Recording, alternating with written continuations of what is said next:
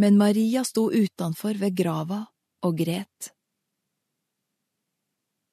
Som hun gråtende bøygde seg fram og så inn i grava, fikk hun øye på to hvitkledde engler som satt der Jesu kropp hadde lege, ein ved hovudet og ein ved føttene.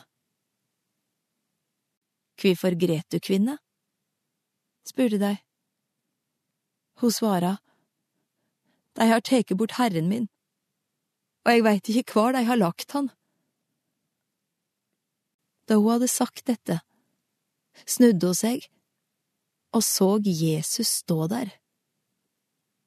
Men hun skjøna ikke at det var han.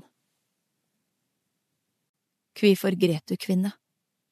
spør Jesus. Hvem leiter du etter?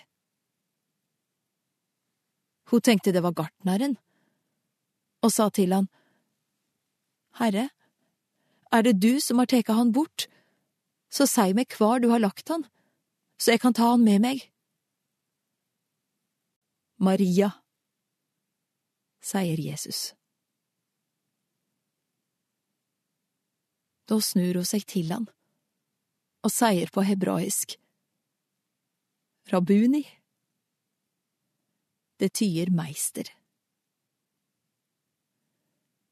Jesus sier til henne, Rør meg ikke, for ennå har jeg ikke stiget opp til far, men gå til brødrene mine og si til dei at jeg fer opp til min far og dykkar far, til min Gud og dykkar Gud.